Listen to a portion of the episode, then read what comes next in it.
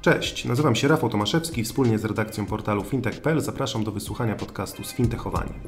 Jako pasjonaci branży fintech zapraszamy do studia ludzi kluczowych dla rozwoju tego sektora. Przeprowadzamy z nim pogłębione rozmowy zarówno o luźnych kwestiach, jak i pogawędki na tematy bardziej skomplikowane. Zajmujemy się wszystkim tym, co w codziennym kontakcie z branżą finansową może umknąć uwadze odbiorców. Codzienne newsy związane z fintechami, bankami czy innowacjami technologicznymi przeczytacie na fintech.pl oraz na naszej facebookowej grupie Sfintechowani. Dzień dobry Państwu, Rafał Tomaszewski, redaktor serwisu fintech.pl. Zapraszam na kolejny odcinek podcastu z cyklu Sfintechowani. Tym razem naszym gościem jest Adrian Gorzycki, współwłaściciel spółki PP Media, do której należy kanał Przygody Przedsiębiorców. Dzień dobry. Dzień dobry, witam wszystkich słuchaczy. Porozmawiamy dzisiaj przede wszystkim o gospodarce, o, o kryzysie, a także o przedsiębiorczości Polaków. Tak więc może przejdźmy od razu do pierwszego pytania. Skąd w ogóle pomóc na stworzenie takiego projektu jak e, Przygody Przedsiębiorców i od jak dawna w ogóle działacie? Mm, działamy od trzech lat. Mm, w sierpniu miną trzy lata, aczkolwiek tak naprawdę dość najintensywniejszy okres zaczął się w styczniu 2019 roku, kiedy e, zdecydowaliśmy e, z powodu szeregu okoliczności, że chcemy mieć swoje studio nagraniowe, aby po prostu no, mieć swoją przestrzeń, gdzie będziemy mogli w sposób taki wysokojakościowy nagrywać materiały wideo, więc tak naprawdę to działamy w sumie bardzo intensywnie stycznia 2019.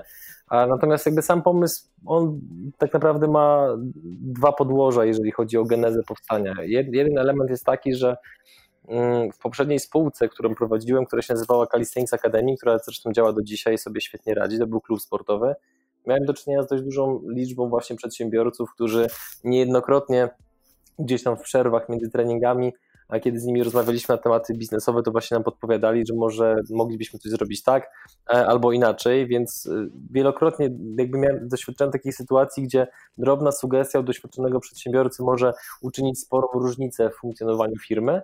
E, a drugim elementem to, to był taki element troszeczkę powiedziałbym mm, bardziej, bardziej prywatny, a mianowicie taka troszeczkę chłodna kalkulacja, a mianowicie z mojej perspektywy dwie najcenniejsze polisy ubezpieczeniowe, jakie możemy mieć na nasze życie, to z jednej strony jest inwestowanie w naszą wiedzę, która z nami zawsze, będzie z nami zawsze, dopóki odpukać Alzheimer nie zaatakuje, oraz drugi element to po prostu sieć kontaktów, którą mamy. No i oczywiście jakby wiele osób patrzy na ten drugi element przez taki pryzmat jeszcze powiedzmy lat 90., czy nawet poprzedniego ustroju, czyli E, na układy nie ma rady e, i tego typu rzeczy, tylko prawda jest taka, że niezależnie od tego, w który sektor, powiedzmy, zwłaszcza gospodarki takiej prywatnej sobie spojrzymy, no to jednak relacje biznesowe są rzeczą e, ekstremalnie ważną, no bo ktoś może mieć bardzo wysokie kompetencje i tak dalej, natomiast jeżeli takiej osobie nie ufamy, tak nie, nie, nie odczuwamy sympatii wobec takiej osoby, no to raczej mm, szansa na zrobienie wspólnego interesu jest stosunkowo niewielka.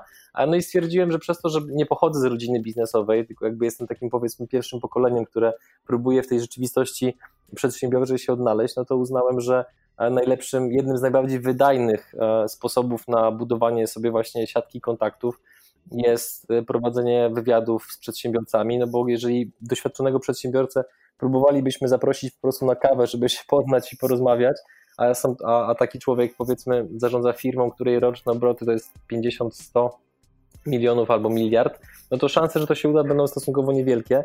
Natomiast w momencie, kiedy na przykład prowadzimy wywiady albo organizujemy jakieś konferencje e, biznesowe i tak dalej, no to jakby sprawa ma się zupełnie inaczej.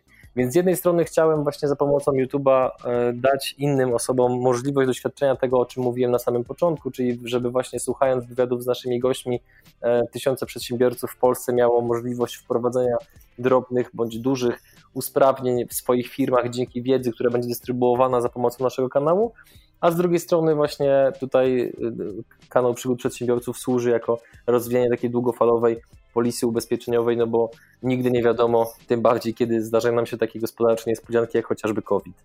Wspomniałeś, że nie wywodzisz się z rodziny biznesowej, jak sam to określiłeś, że nie, nie miałeś tradycji rodzinnych, jeśli chodzi o, o prowadzenie e, biznesu. W takim razie myślę, że jesteś dobrą osobą, żeby zadać takie pytanie. Jakie rady można dać początkującym przedsiębiorcom? Teraz wiem, jak się czują czasami moi goście, jak dostają pytanie, które jest, powiedziałbym, nie ogólne, ale bardzo pojemne, bo można do niego podejść na wiele różnych sposobów, więc pozwolę sobie tak troszeczkę spontanicznie po prostu prześledzić takie najważniejsze wątki z mojej perspektywy, które są istotne. Wydaje mi się, że chyba taką kluczową rzeczą, e, która jest już troszeczkę oklepana, ale postaram się ją rozbudować, żeby przestała być oklepana, mm, to jest taka pewnego rodzaju determinacja, ale determinacja w tym ujęciu, że wielokrotnie spotykam się z czymś takim, że przedsiębiorcy niezależnie od wieku, bo to akurat nie masz takiego znaczenia, aczkolwiek pewna dojrzałość emocjonalna oczywiście ułatwia przyjęcie e, odmowy ze strony klienta czy ze strony rynku, ale wielu przedsiębiorców nie radzi sobie z tym, że e, chwytają za klamkę, drzwi są zamknięte i już za bardzo nie myślą o tym, żeby próbować wejść e, oknem, kominem, czy żeby zrobić podkop.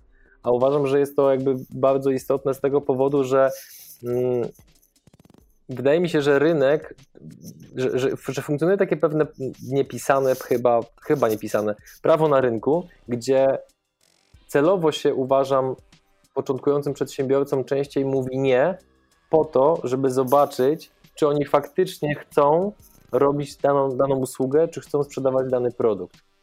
I mm, wydaje mi się, że to jest właśnie taka rzecz, która, która wielu młodym przedsiębiorcom, początkującym, nie młodym, początkującym przedsiębiorcom umyka, że e, wydaje im się, że rynek czeka z rozłożonymi rękoma, aż oni przyjdą i coś zaoferują, a najczęściej no jednak jest tak, że pierwsza konfrontacja początkującego przedsiębiorcy z rynkiem to jest jak zderzenie tira z wróblem.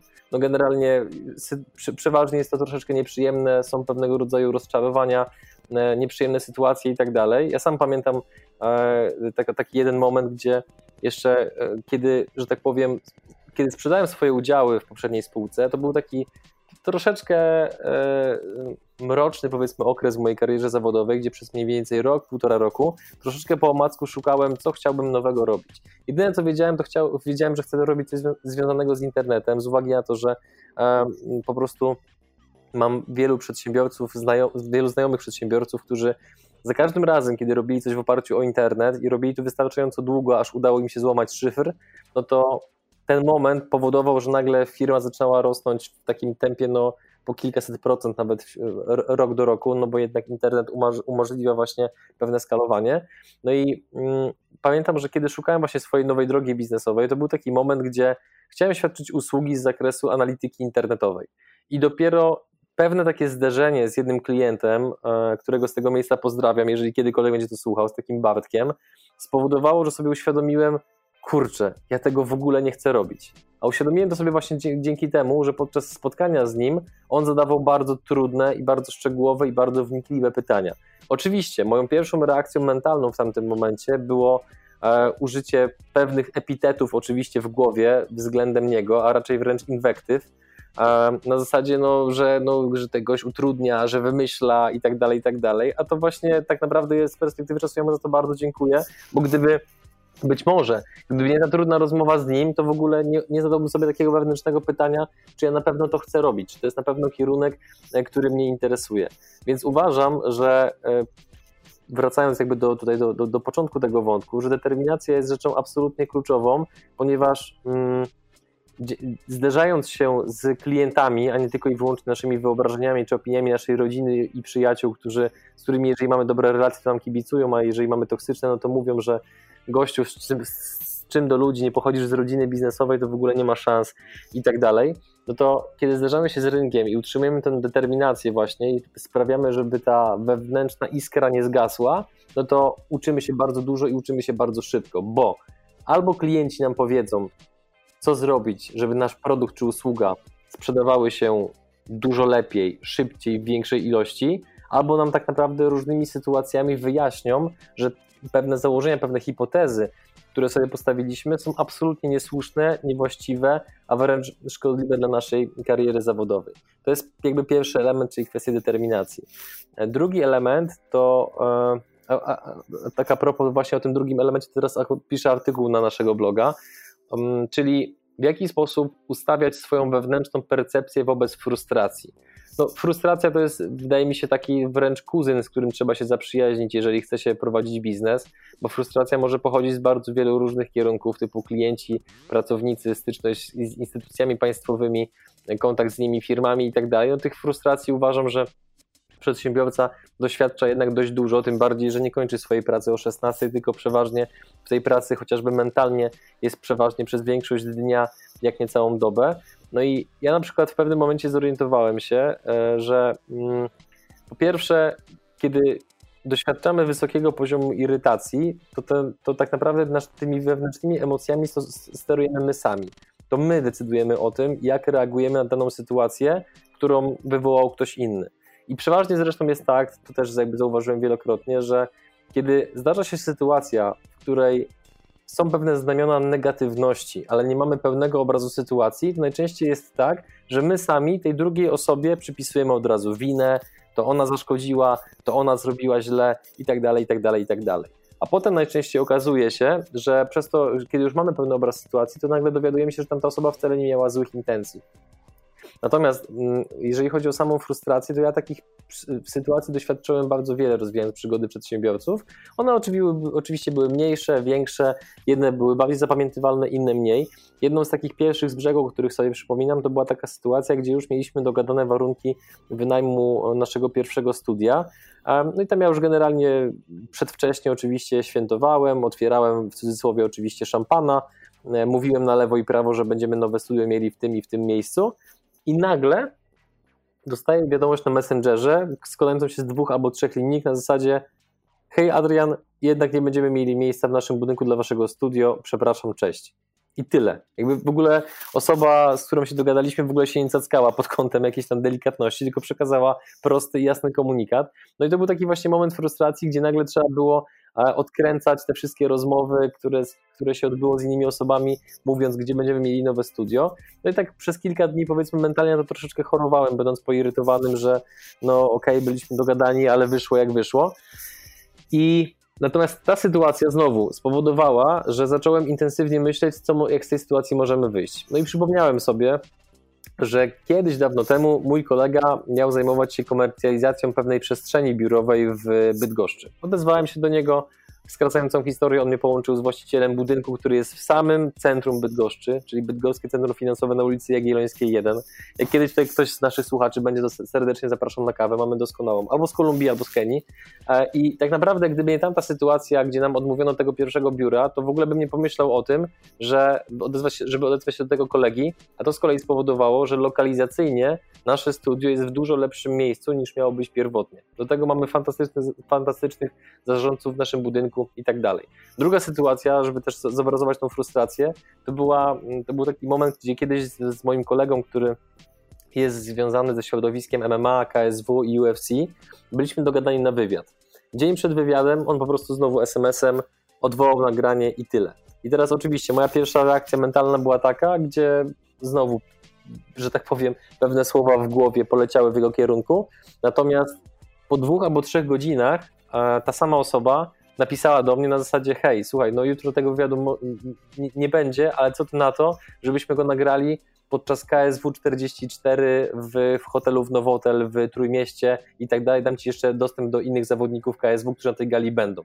No i teraz znowu, Początkowa frustracja ostatecznie doprowadziła do tego, że nagrywaliśmy wywiad właśnie ze wspomnianym kolegą Łukaszem Zaborowskim oraz chociażby z Martinem Lewandowskim, który jest współwłaścicielem e, KSW. I znowu, nie wydarzyłoby się to wszystko prawdopodobnie, gdybyśmy byli umówieni na nasze, gdybyśmy zrealizowali nasze pierwotne ustalenia.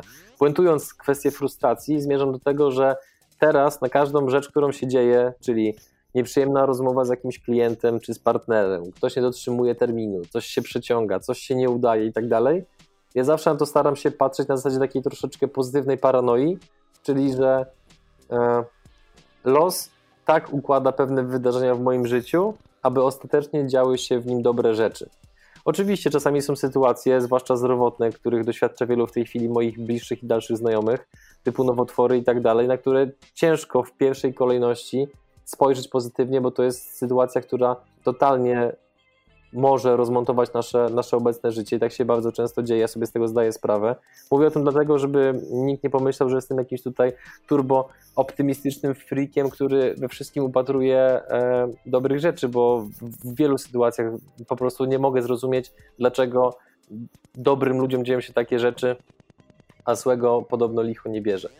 Niemniej żyje mi się łatwiej, jeżeli na sytuacje, które zahaczają o jakiś tam poziom frustracji i irytacji, staram się patrzeć w ten sposób, że e, jakby, że w tym wszystkim jest coś dobrego, tylko trzeba to po prostu umieć, umieć dostrzec. Tym bardziej, że już ileś tam set lat temu Abraham Lincoln nie pamiętam dokładnie jak, jak, jak, jak ten cytat brzmiał, ale właśnie on już wtedy mówił, że każdy, każdy problem to jest tak naprawdę e, zamaskowana szansa, którą po prostu my musimy dostrzec i uważam, że tego typu mentalne podejście też powoduje dużą przewagę na rynku pod tym kątem, że jeżeli nauczymy się zarządzać naszym stanem emocjonalnym w taki sposób, żeby nie popadać we frustrację, gniew i całe spektrum negatywnych emocji, to nagle się okazuje, że możemy po prostu bardzo aktywnie i bardzo szybko działać i bardzo szybko podnosić się po jakichś tam kolejnych potknięciach, których na drodze przedsiębiorcy będą setki, jak nie tysiące, e, dzięki czemu długofalowo względem naszej konkurencji będziemy wygrywali bardzo dużo, no bo wielokrotnie ludzie na negatywne emocje jednak reagują w postaci alkoholu, narkotyków, czy jakichś tam innych powiedzmy sytuacji, które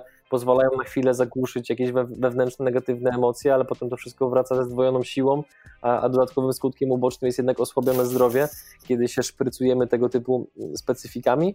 Więc to jest drugi element, patrzenie na właśnie inne postrzeganie frustracji. A, I trzecia rzecz, tak żeby, bo generalnie pewnie mógłbym ich wymienić ich z 15 albo 20, a też posiłkując się trochę wiedzą od moich gości, E, z dotychczasowych wywiadów, ale ostatnia rzecz to jest, jest taka, która uważam, że, że może się bardzo przydać.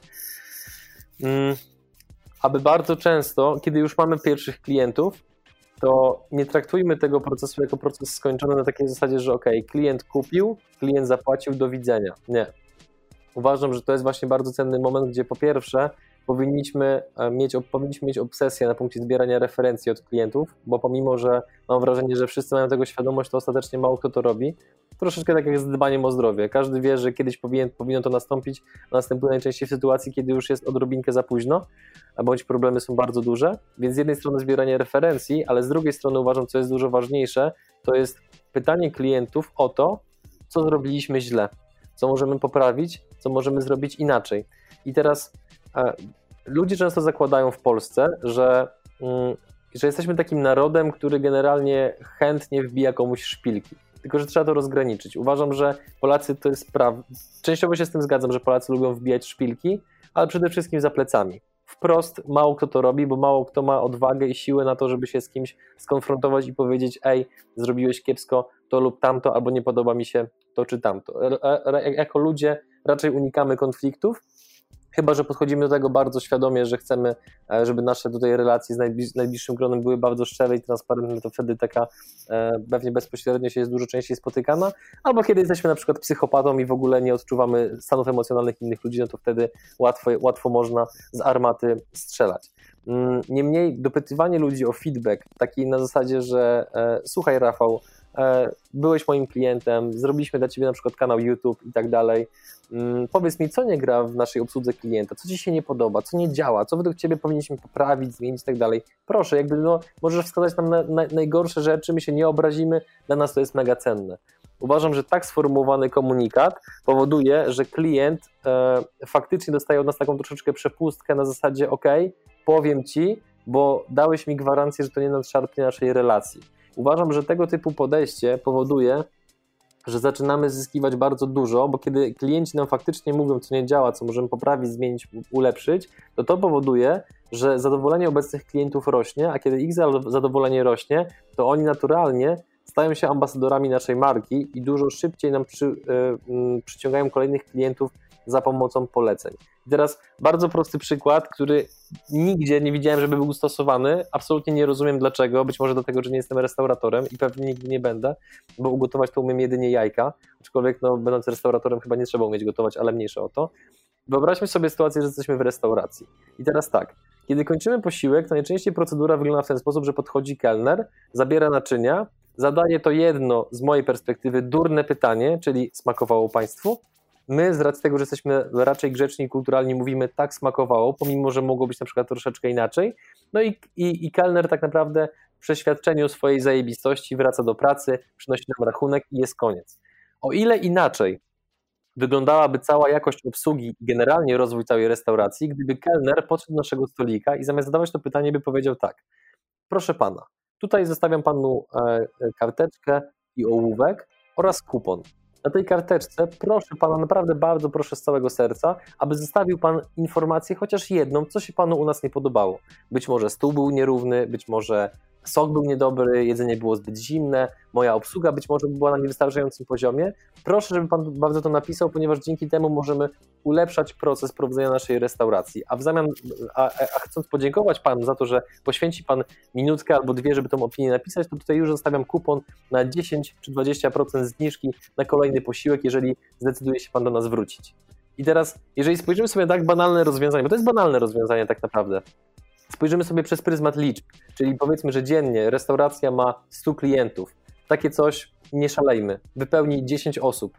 To jest 10 osób każdego dnia, które zostawia nam feedback. Niech z tych 10 osób 5 wróci z tym kuponem, żeby ponownie skorzystać z naszych usług, żeby zjeść naszą pizzę czy cokolwiek to oprócz tego, że dostajemy feedback, dzięki któremu szlifujemy obecną usługę, to jeszcze napędzamy sobie tak naprawdę klientów, którzy są klientami powracającymi. Taka drobna rzecz odnośnie zbierania feedbacku. Więc jakby podsumowując tę przydługawą wypowiedź, pierwszy element determinacja, jak nie drzwiami, to oknem, ale jednocześnie zastanawiając się, czy rynek nie daje mi sygnału, że na przykład robię coś źle, albo że się, że się do tego nie nadaje i tak dalej. Gdzie jest granica, to tak naprawdę wydaje mi się, że ciężko ocenić, to się po prostu wewnętrznie czuje. Jeżeli widzimy pierwsze sygnały ze strony rynku, że usługa zaczyna chwytać, to jest bardzo dobrze. Natomiast jeżeli widzimy, że wszyscy mówią nam nie, że to jest słabe, beznadziejne i tak dalej, no to wtedy wydaje mi się, że warto przemyśleć raz jeszcze swoją usługę, albo skonfrontować na przykład z kimś, kto jest bardziej doświadczony, być może z jakimś konsultantem, czy z jakimś doradcą, który na przykład w biznesie już siedzi 5, 5 nie, 10, 15, 20 lat i mógłby na przykład z, z świeżym okiem z boku spojrzeć, co robimy e, dobrze, a co robimy źle, więc determinacja, z drugiej strony zarządzanie odpowiednio e, optyką wobec frustracji, aby ona, ona nas nie spalała, tylko raczej, żeby ona dawała nam takie, żeby ją traktować jako taki wewnętrzny szept, który mówi Ej, Rafał, a być może wydarzy się coś dobrego. Poczekaj, poczekaj, wstrzymaj konie, zobaczymy. Więc żeby frustrację traktować jako wewnętrzny szept i trzeci element, żeby obsesyjnie po prostu konfrontować e, to, co myślimy o swojej usłudze i produkcie z tym, co myślą klienci i co możemy poprawić, co możemy zmienić. Kropka. Jasne, no to był naprawdę bogaty, e, bogaty poradnik, że tak sobie pozwolę nazwać tą Twoją wypowiedź dla, dla początkujących przedsiębiorców. E, teraz zapytam Cię z kolei o jakie, jakieś najciekawsze przypadki, z jakimi miałeś do czynienia w trakcie e, prowadzenia kanału, w trakcie prowadzenia bloga. Jakieś ciekawe success story, może, może ciekawe historie upadków, bo one też ludzi często interesują, nawet bardziej mhm. niż te historie A sukcesu. Czy, to może podam dwie historie. Jeżeli mi przyjdą tak do głowy jeszcze jakieś kolejne, to wtedy będę na bieżąco dodawał, ale... Mm, Zacznijmy od success stories. E, tutaj jakby akurat mogę powiedzieć o tym, chociażby o tym, co, co, co my robimy jakby biznesowo, czyli chociażby nasza współpraca z firmą DPD, która zaczęła się od typowego e, cold mailingu, który co ciekawe w dzisiejszych czasach jeszcze działa, tylko ten mail musi być odpowiednio e, skonstruowany, żeby ktoś nie poczuł, że wysyłamy szablon do 200 firm, licząc, że zgodnie z prawem akwizytora jedna na 100 się zgodzi. Więc z DPD mamy chociażby taką sytuację, że pewien szereg działań marketingowych, które zostały ułożone wobec mm, mm, ich oferty, jaką jest oczywiście logistyka i dostarczanie e, paczek, no to, spowodowało, że na przestrzeni minionych siedmiu, może ośmiu miesięcy zwrot ze współpracy z nami był na poziomie tam kilkuset procent. Nie mogę powiedzieć dokładnie ile, ponieważ tam obowiązuje mnie tajemnica poufności. Niestety, może kiedyś e, to się zmieni. E, natomiast jakby mówię o tym dlatego, że żeby, żeby wszystkim tym, którzy prowadzą małą działalność, no bo my, my, jesteśmy w tej chwili bardzo małą firmą, tam na, nasz zespół to tak naprawdę jest w tej chwili około 6-7 osób, plus podwykonawcy i, i, i, firmy zewnętrzne, z którymi współpracujemy na zasadach B2B. Mm, no to mówię o tej historii dlatego, żeby często jest tak, że y, ma, małe firmy mają taką, takie podejście, że nie ma co nie ma co odzywać się do zbyt dużych firm, bo nas tutaj zignorują, oleją i, i, i w ogóle tak po prostu karmimy takiego swojego złego wewnętrznego wilka, który potem powoduje, że e, zamiast próbować i wyciągać wnioski, to po prostu od razu z góry zakładamy, że ktoś na pewno nam odmówi. A, a uważam, że to, to, jest, e, to jest absolutnie bardzo szkodliwe podejście, no bo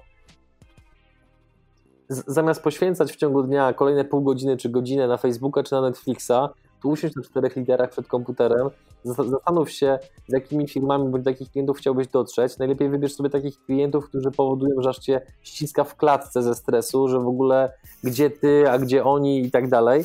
Nigdy nie wiesz, czy akurat to nie jest moment, w którym trafisz w ich oczekiwania, w ich potrzeby, w dobry moment, kiedy planują budżet albo cokolwiek innego. Daj szansę po prostu przypadkowi e, i niezależnie od tego, jak bardzo coachowo i motywacyjnie to brzmi, absolutnie to nie jest moją intencją, to uważam, że e, w biznesie opłaca się po prostu podejmować decyzje, które wewnętrznie nas, nas, troszeczkę stresują i kiedy wydaje nam się, że jeszcze nie jesteśmy gotowi, e, bo nigdy nie wiadomo, co dobrego z tego może wyjść. Ja sam miałem wielokrotnie takie sytuacje, choć jak chociażby właśnie z DPD, gdzie wydawało mi się, gdzie ja do nich pisałem, jak nasza widownia była ojejka, no, z 10 razy mniejsza. E, mieliśmy wtedy chyba tam z 12 tysięcy subskrybentów na YouTubie, teraz tam mamy ponad 50 tysięcy, więc też ta, ta optyka wygląda troszeczkę inaczej. Ale w tamtym czasie też mi się wydawało, że gdzie my, a gdzie oni, że po co w ogóle i tak dalej, że pewnie nawet nie zareagują na maila. No i się okazało, że odpisali, że trafiłem na bardzo życzliwego tutaj właśnie gościa, który ma otwartą głowę na marketing internetowy. Pozdrawiam Macieja Kasprzyka właśnie z DPD. E, no i nagle się okazało, że jakby skracając całą historię, że jednak pewne rzeczy mogły się zadziać, a nie zadziałyby się, gdyby ten mail nie został wysłany. Więc tutaj, drogi słuchaczu, jeżeli masz w tej chwili jakąś firmę, podejrzewam, że z tyłu głowy na pewno taką firmę znajdujesz, do której chciałbyś się odezwać, ale jednak troszeczkę się boisz, no to nic ci nie szkodzi. Wyślij maila, zadzwoń, spróbuj umówić się na spotkanie, zrób jakikolwiek ruch. Więc jakby to powiedzmy taka pozytywna historia z naszego podwórka, co, co, co u nas się zadziało w kontekście samego YouTube'a. A z historii powiedzmy negatywnych, no to tutaj e, nie wiem czemu, ale przyszła mi pierwszy, w pierwszej kolejności do głowy historia jednego z naszych gości, z którym nagraliśmy wywiad w ramach serii X, gdzie e, nasi goście mieli zamaskowaną twarz oraz zmodyfikowany głos. To była historia przedsiębiorcy, który miał około 100 e, osób na pokładzie, natomiast jakby no przez to, że z perspektywy, będąc firmą budowlaną, był w jego ocenie wciąż małą firmą, która raczej świadczyła usługi jako podwykonawca. No i w pewnym momencie e, tam generalny wykonawca na jednej budowie bardzo mocno, że tak powiem, przewiózł go e, na, na terminach płatności i tak dalej. Ostatecznie mu, jak dobrze pamiętam, chyba nie zapłacił. To spowodowało, że mm, swoim pracownikom nie mógł za bardzo popłacić pensji, e, musiał ogłosić bankructwo a tam zahaczył w pewien sposób o nadużywanie alkoholu i tak dalej. Czy był to alkoholizm, to tego, tego już nie wiem, to nie, nie mi oceniać, ale wiem, że taki problem alkoholowy właśnie również się pojawił. No i jakby jaka, jaka jest puenta tej historii? No puenta jest taka, że a, wiele, wiele osób, wiele firm mam wrażenie, że wciąż podtrzymuje jakby takie podejście, że w naszej branży no to płatność z góry jest czymś jakby bardzo trudnym albo wręcz nierealnym jakby okej, okay, być może, ale wydaje mi się, że to jest. E, jeżeli tak faktycznie jest, no to no okej, okay, no to być, może, być może się z tym nic nie zrobi, aczkolwiek uważam, że bardzo, że warto jest próbować kwestionować e, status quo, bo e, płatności z góry powodują, że jednak nasz biznes jest po prostu dużo bardziej zdrowy i dużo bardziej stabilny niż te chore terminy płatności po 30, 60, 90 dni albo lepiej. Jakby ja w ogóle nie potrafię sobie wyobrazić funkcjonowania w, w takiej przestrzeni biznesowej, no ale to być może, być może jeszcze, jestem, jest, jest, jest, jestem jeszcze za młody, za głupi albo za krótki, żeby w ogóle móc na takie coś patrzeć, aczkolwiek no, na, nawet jeśli, to ja wolę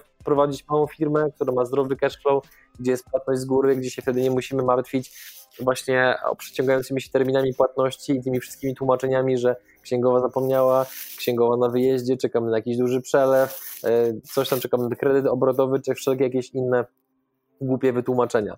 Więc jakby tutaj podsumowując tą, tą, tą złą historię, to zachęcam do tego, żeby przemyśleć i naprawdę tak się głęboko zastanowić, czy faktycznie nie jesteśmy, zmieni- nie jesteśmy w stanie zmienić sposobu rozliczeń z naszymi klientami, a, a jeżeli nie jesteśmy w stanie, to może chociaż spróbujmy, czy na przykład nie można zrobić 50-50, czy może jakieś przedpłata na poziomie 30-40%, czy chociaż na takim pułapie, aby nam się zwróciły koszty naszych pracowników, zakupionych materiałów, surowców itd. Tak Jasne. A jak według Ciebie pandemia wpłynie na przedsiębiorców? Bo teraz mamy dosyć niepewną sytuację na rynku i czy nie uważasz, że, że ta niepewna sytuacja odstraszy, odstraszy osoby, które dopiero zastanawiają się nad założeniem działalności, no i jak to też może wpłynąć na, na te firmy, na te małe firmy, mm. które już są na rynku? Znowu pewnie przede wszystkim tutaj decydujący głos w mojej głowie będzie miał w tej chwili ten wewnętrzny optymista, który jednak stara się patrzeć pozytywnie na rzeczywistość. Natomiast ja na całą sytuację z COVID-em patrzę z kilku perspektyw. Po pierwsze,